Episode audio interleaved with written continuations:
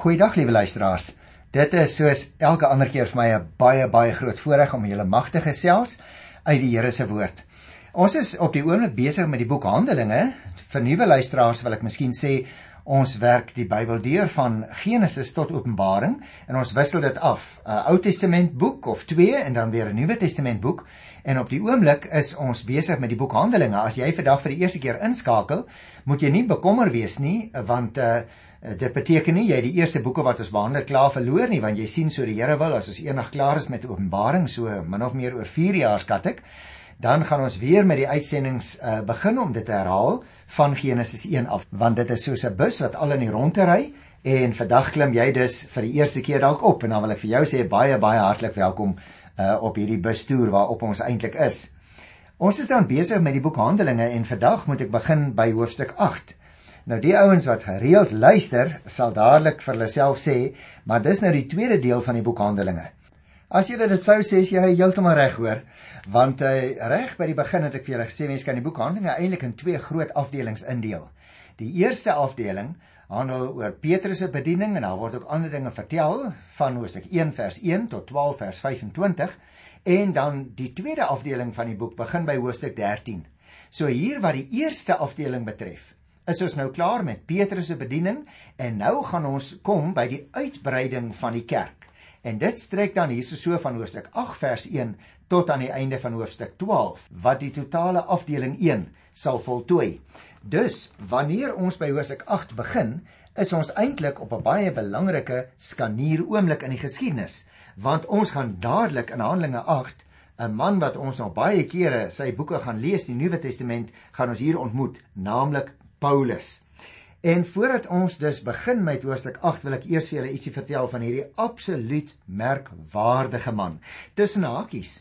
Ek wil miskien net vir julle sê, partykeer dink mense hierdie ou se naam was Saulus en nadat hy tot bekering gekom het, het hy 'n naamsverandering gehad en toe het hy Paulus geword. Dit is natuurlik nie korrek nie. Julle sien die Hebreëse uitgawe, ek herhaal. Julle sien die Hebreëse weergawe van sy naam is Saulus en Paulus is die Romeinse weergawe van dieselfde naam. Dit was dus nie regtig uh, dat ouens gaan sit het op 'n dag en gesê het kom ons verander hierdie ou se naam nie. Dit het nie so gewerk nie. Nou kom ons uh, kyk dan so 'n bietjie na hierdie Saulus wat dan in sy Griekse weergawe Paulus geword het. Ek wil vir julle eers uh dink ek op een van die belangrikste aspekte wys, liewe luisteraars. Julle sien, naas die Here Jesus het niemand so 'n geweldige invloed op die geskiedenis van die Christendom gehad nie as juis Paulus. Sy optrede was selfs voor sy bekering op 'n negatiewe wyse baie betekenisvol. Die fanatieke wyse waarop hy die Christene vervolg het, het bygedra tot die vinnige verspreiding van die kerk. Hy was dus eintlik mede-verantwoordelik daarvoor dat die apostels die Here Jesus se laaste opdrag aan hulle gehoorsaam en die evangelie boodskap dwars deur die wêreld versprei het. Paulus se persoonlike ontmoeting met die Here Jesus het natuurlik sy hele lewe verander. Ons gaan 'n bietjie daaroor gesels vandag. Hy was steeds 'n vurige en 'n ywerige mens, maar van daardie oomblik af het hy al sy krag aan die uitdra van die evangelie bestee. Paulus was baie baie godsdienstig. Ons moenie twyfel daaroor hê nie, hoor. Hy was 'n student van Gamaliel, een van die beroemdste leermeesters van Bybelse tye. En daarom het Paulus dus 'n baie goeie opleiding gehad. Sy motiewe was altyd suiwer. Sy werk was altyd kragtig. Hy was 'n baie goeie fariseer, hoor. Hy het die Bybel van sy tyd, dit was hierdie Ou Testament, natuurlik baie goed geken. En hy was werklik daarvan oortuig dat die Christelike beweging 'n gevaar vir die Judaïsme was. Daarom het Paulus die Christene met soveel ywer begin vervolg. Hy het byvoorbeeld toestemming gekry om na Damaskus toe te reis en die Christene daar gevange te neem en dan moet hulle terugbring na Jerusalem toe. Die Here ons God het egter ingegryp en op die pad na Damaskus toe het Paulus die verheerlikte Christus self ontmoet op 'n baie besonderse manier. Ons gaan daaroor gesels. Sy lewe sou natuurlik nooit weer na daardie dag dieselfde wees nie. Ons moet onthou, liewe luisteraars, tot op daardie tydstip is daar nie veel gedoen om die evangelie aan die nie-Jode te verkondig nie. Filippus het in Samaria gepreek en ook met die Ethiopiër oor die Here Jesus gepraat. Die nie-Joodse Kornelius het met Petrus se hulp tot bekering gekom en daar was 'n hele klompie Grieke wat in Antiochië in Sirië by die gelowiges aangesluit het. Barnabas byvoorbeeld van Jerusalem. Hy is gestuur om ondersoek daarna in te stel en hy het na Tarsus toe gegaan om Paulus te gaan haal later. Hulle het saam byvoorbeeld na Antiochië toe gegaan en onder die gelowiges daar gewerk. Daarna het hulle 'n sendingreis saam onderneem. Dit was dus nakies die eerste van die 3 sendingreise waarby Paulus betrokke was en natuurlik waarin hy die evangelie oor 'n groot deel van die Romeinse ryk sou verkondig. Daar was dus heelwat meningsverskil in die vroeë kerk oor die vraag of nie Jode die Joodse wette en die gebruike moes onderhou as hulle die Here Jesus as hulle persoonlike verlosser aanneem. Interessant. Paulus het hard gewerk om die Jode te oortuig dat die nie-Jode ook vir God aanvaarbaar was. Maar hy moes nog harder werk om die nie-Jode self daarvan te oortuig. Jy sien, die mense met wie Paulus in aanraking gekom het, het geen twyfel gehad oor wie die Here Jesus Christus vir Paulus is en wat hy vir hom beteken nie. God het nie 'n enkele greintjie van Paulus verlore laat gaan nie.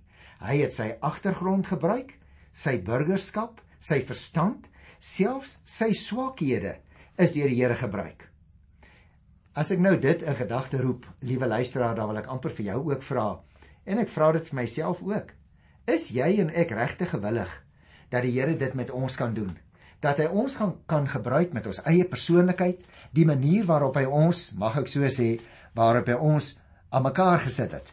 Is jy gewillig dat die Here jou gebruik soos wat Paulus regtig gewillig was om gebruik te word? En dit bring my nou by die 8ste hoofstuk waar ons eintlik uh die begin het van die uitbreiding van die evangelie buite Palestina. Nou ten opsigte van hierdie uh eerste paar versies wat ons gaan behandel, wil ek net dit sê, want jy sien dan vind nou baie groot wending plaas. Die eerste fisieke vervolging van Christene begin nou. Maar dit werk eintlik soos 'n vuur wat 'n mens probeer doodblaas. Die Christene met hulle boodskap versprei oral oor En vir die eerste keer word die evangelie nou ook buite die grense van Judea verkondig. As ek dus sê die evangelie het na die buiteland toe gegaan, dan moet ons daarmee verstaan dit is buitekant die gebied van Judea waar dit verkondig is. Baie van die gelowiges moes natuurlik vlug. Al lees ons in die eerste vers nie letterlik dat hulle gevlug het nie, moet ons aanvaar dat as gevolg van die vervolging van die Christene wat begin het, hulle ver buite die gebied van Juda uitgeslinger sou word. Dis eintlik soos vet in 'n pan, hè, wat uitspat en dit is wat met die Christusgelowiges in daardie tyd gebeur het. Om die een of ander rede het die apostels egter nie uit Jerusalem uh weggehardloop nie. Ons lees byvoorbeeld van Godvreesende mense, dit wil sê Christene wat uh ook opgetree het en vir Stefanus begrawe het. Daar was dus mense, Christene wat oorgebly het in Jerusalem. Hulle dood eenvoudig nie almal weghardloop nie. So jy moenie daardie indruk kry nie. Nou, liewe luisteraar, kom ek lees dan die eerste 3 verse van Handelinge by die 8ste hoofstuk. Die opskrif daarvan is Saulus vervolg die kerk. Ook Saulus het hierdie moord, dit is nou die moord op Stefanus waaroor ek verlede keer gepraat het, Ook Saulus het hierdie moord goedgekeur. Daardie dag het daar 'n ewige vervolging van die gemeente in Jerusalem begin. Al die gelowiges behalwe die apostels is uitmekaar gejaag en verstrooi oor die gebiede van Judea en Samaria.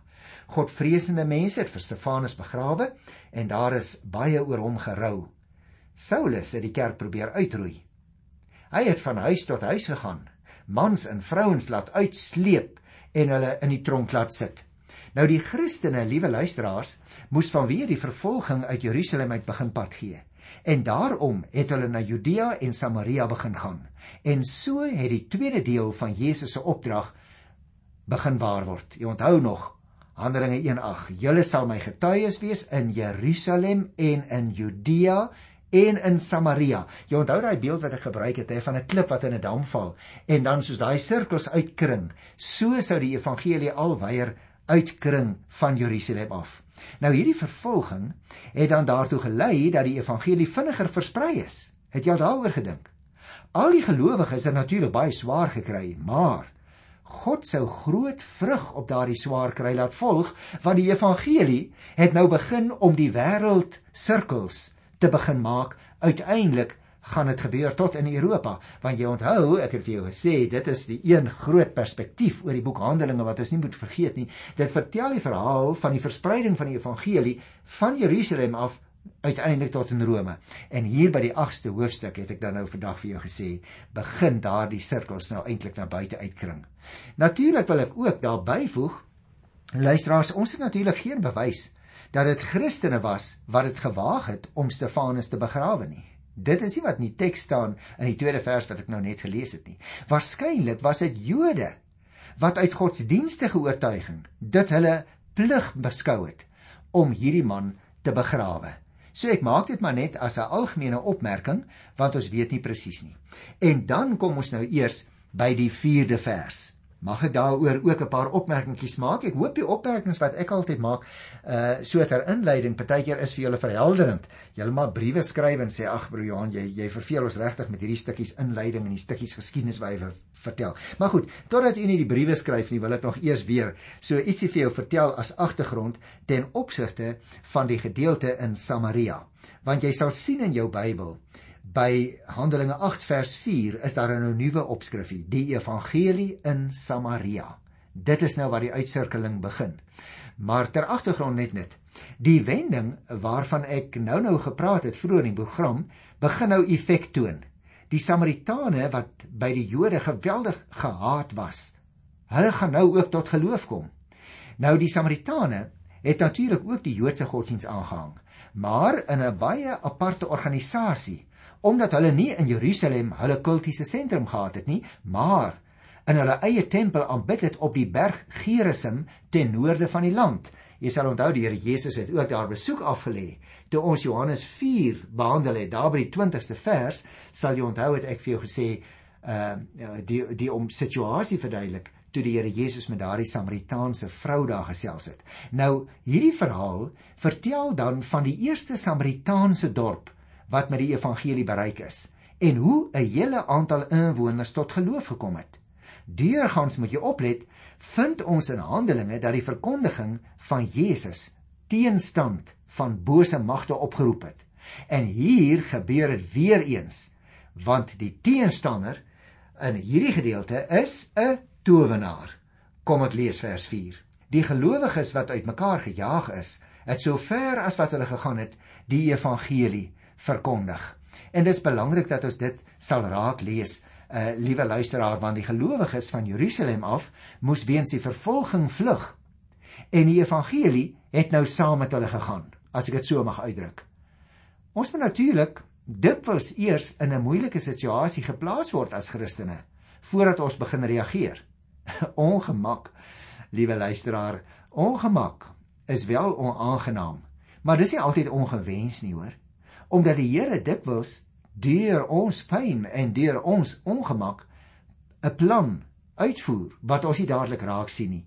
As jy weer in versoeking is om uh, oor ongemaklike of pynlike omstandighede te kla, vra dan vir jouself, is die Here nie dalk besig om juis vir my vir 'n baie besondere taak voor te berei nie? Al is dit nou vir my so 'n klein bietjie ongerieflik. Luister na die 5de vers. So het dit dan gebeur dat Filippus in 'n stad in Samaria gekom het en Christus daar verkondig het. Nou dit is 'n baie belangrike opmerking want in die 6ste vers word daar nog bygevoeg toe die mense dis nou daar in Samaria toe die mense hoor wat Filippus verkondig en die wonders sien wat hy doen het hulle aandagtig na sy prediking geluister onrein geeste het met groot geskreeu uit baie mense uitgegaan en baie wat verlam en kreupel was is gesond gemaak Daar was groot blydskap in daardie stad. Nou eers moet ons nou hieroor ook 'n bietjie gesels. Jy sien, want dit is nie die apostel Filippus nie. Dit moet ons in gedagte hou, maar dit is 'n Griekssprekende Jood wat uh, een van die sewe diakens was en wat gekies is om om te sien na die Griekssprekende uh dames, die weduwees wat nie goed versorg is daar in die gemeente in Jerusalem nie. Nou hierdie 5de versie hier in Handelinge wys juis vir ons daarop dat daar in Israel hoofsaaklik 3 streke was. naamlik Galilea in die noorde, Samaria in die middel en dan Juda wat eintlik meer na die suide gelê het. As ons nou lees die stad Samaria wat geleë was in die landstreek van Samaria, dan was die hoofstad van die noordelike koninkryk Israel wat destyds die skeuring veroorsaak het. Jy sal onthou toe die Noordryk afgeskei is van die Suidryk in die tyd van koning Rehabeam en Jerobeam, die twee seuns van Salomo, wat nie kon saamwerk nie en albei wou heers. Toe het die skeuring eintlik alreeds plaasgevind. En die Assiriërs het daardie Noordryk se hoofstad Samaria in die jaar 722 verslaan en die meeste van die mense is in ballingskap weggevoer. Maar nou is hierdie selfde gedeelte nog steeds bekend as Samaria, die omgewing of die gebied van Samaria. En dit is nou hierheen dat die evangelie uitgebrei word. En daar lees ons hoe dat die mense aandagtig na hierdie uh disipel van die Here Jesus se getuienis geluister het. En daar gebeur 'n baie wonderlike ding van die onrein geeste wat uh, uitgedryf is en wat uit baie mense uitgegaan het. Jy sal onthou natuurlik die Here Jesus het tydens sy aardse bediening dikwels bose geeste uit mense uitgedryf. Nou oor wat hierdie bose geeste presies was, loop die opinies baie wyd uiteen. Sommige geleerdes wil die verskynsel psigologiese versteurings noem. Ander sien dit as werklike geeste onder die invloed van werklike bose magte. Nog ander erken die uitwerking van die geestelike versteuring op 'n mens se liggaam en dan praat hulle van psigosomatiese siektes. Maar liewe luisteraar, hoe dit nou ook al vandag verstaan word, is dit duidelik dat die bose geeste 'n werklikheid was wat vir die mense van die Nuwe Testamentiese tyd uh baie baie probleme veroorsaak het. Ons verneem dan dat die apostels as volgelinge van die Here Jesus nou dieselfde mag oor die bose geeste het wat die Here Jesus aanvanklik ehm uh, gebruik het om die bose geeste uit te drywe. Nou, soos die Here Jesus is die apostels dan ook in staat gestel om siek mense te genees en daardeur bring hulle groot blydskap onder die mense vir wie hulle ontmoet. Mag ek hierdie paar versies net eers saamvat? Ek is so bang die inhoud gaan by ons verlore. Want jy sien van die gelowiges van wie ons hier gelees het, geld wat die apostels van hulle self gesê het, naamlik dat dit vir hulle onmoontlik is om te swyg oor die Here Jesus. En daarom praat hulle soos wat hulle vlug, praat hulle oor wie Jesus vir hulle persoonlik is. Nou is daar ook 'n aanduiding in die Griekse taal dat die stad moontlik die hoofstad van daardie gebied Samaria was. Ons weet nie presies was dit nou nog die ou Samaria? Nee, heel waarskynlik was dit 'n ander stad wat nie hier by die naam genoem word nie in die gebied wat dan destyds bekend was as die gebied of die provinsie van Samaria. En ons lees daarso in die 7de vers dat baie geeste uitgedrywe word terwyl hulle hard geskreeu het, byna soos daar in Lukas 4, onthou jy nog, toe die Here Jesus ook 'n bose gees uitgedryf het.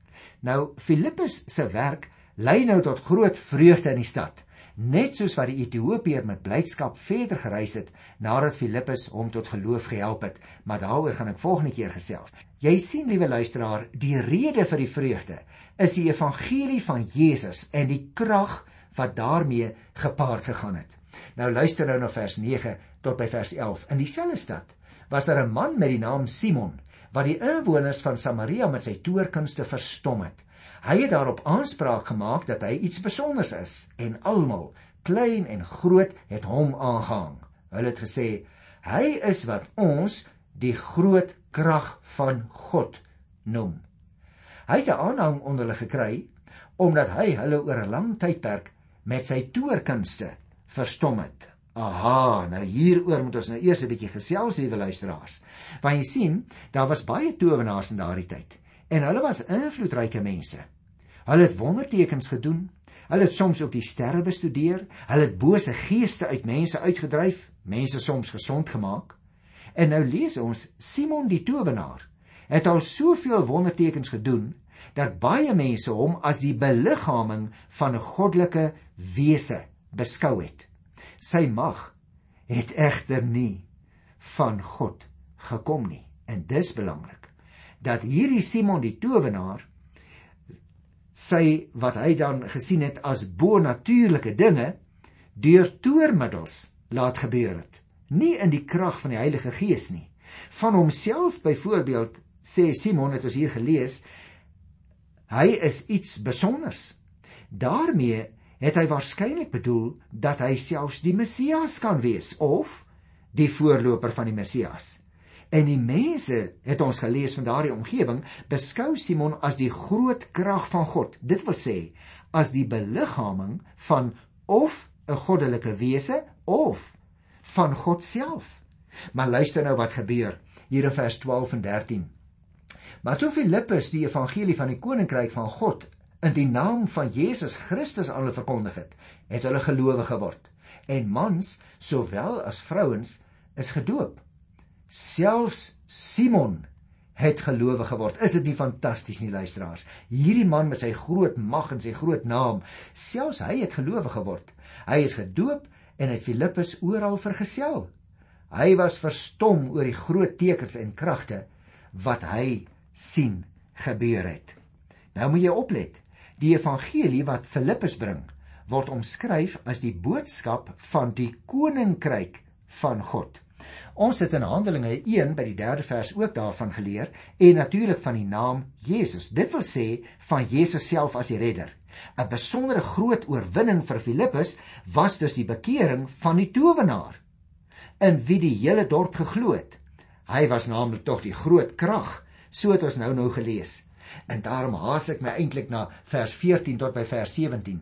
Toe die apostels in Jerusalem hoor dat die mense in Samaria die woord van God aanvaar het, het hulle vir Petrus en Johannes daarheen gestuur. Die het toe gegaan en vir die mense daar gebid dat hulle die Heilige Gees mag ontvang, want die Gees het nog nie op een van hulle gekom nie. Hulle was net in die naam van die Here Jesus gedoop né? Want hulle het Jerusalem verlaat. Hulle het nie eers geweet dat die Heilige Gees al gekom het nie. Die apostels het hulle die hande opgelê en hulle het die Heilige Gees ontvang. Daarom is dit nou interessant. Petrus en Johannes is nou daar na die omgewing van Samaria gestuur om uit te vind of die Samaritane opregte gelowiges was. Die Joodse Christene en dit sluit nou natuurlik die apostels in, was nog nie seker of die nie-Jode en die half-Jode die Heilige Gees kon ontvang nie. Hulle het eers deur Petrus se ontmoeting met Kornelius wat ons gaan behandel in Hoofstuk 10, finaal daarvan oortuig geraak dat die Heilige Gees vir alle mense bedoel was. Jy sien, Johannes het vroeër mos vir Jesus gevra, onthou jy nog, of hulle vuur van die hemel moes afbid om 'n Samaritaanse dorp te laat verbrand, omdat die mense van die dorp geweier het om hulle te ontvang in hulle gebied. En hier sien ons nou dat hy saam met Petrus na die Samaritane toe gestuur word om daar gesamentlik vir hulle te gaan bid. En dan lees ek nou hier by vers 18. Toe Simon sien dat die mense die Gees ontvang as die apostels hulle die hande oplê, het hy vir hulle geld aangebied en gesê: "Gee my ook hierdie bevoegdheid dat elkeen wat ek die hande oplê, die Heilige Gees kan ontvang." Maar Petrus antwoord hom: "Gaan na die verderf met jou geld en al." Dink jy jy kan die gawe van God met geld koop? In hierdie werk is daar vir jou geen plek nie. Want jou gesindheid teenoor God is nie reg nie. Bekeer jou van hierdie dwaaling en bid tot die Here. Miskien sal hy jou hierdie gesindheid van jou hart vergewe. Ek sien jy is deur afguns vergiftig en deur die sonde verstrik. Toe sê Simon vir die apostels: Bid julle tog vir my tot die Here, sodat niks van wat julle sê my tref nie. So het die apostels dan kragtige getuienis gelewer en die woord van die Here verkondig.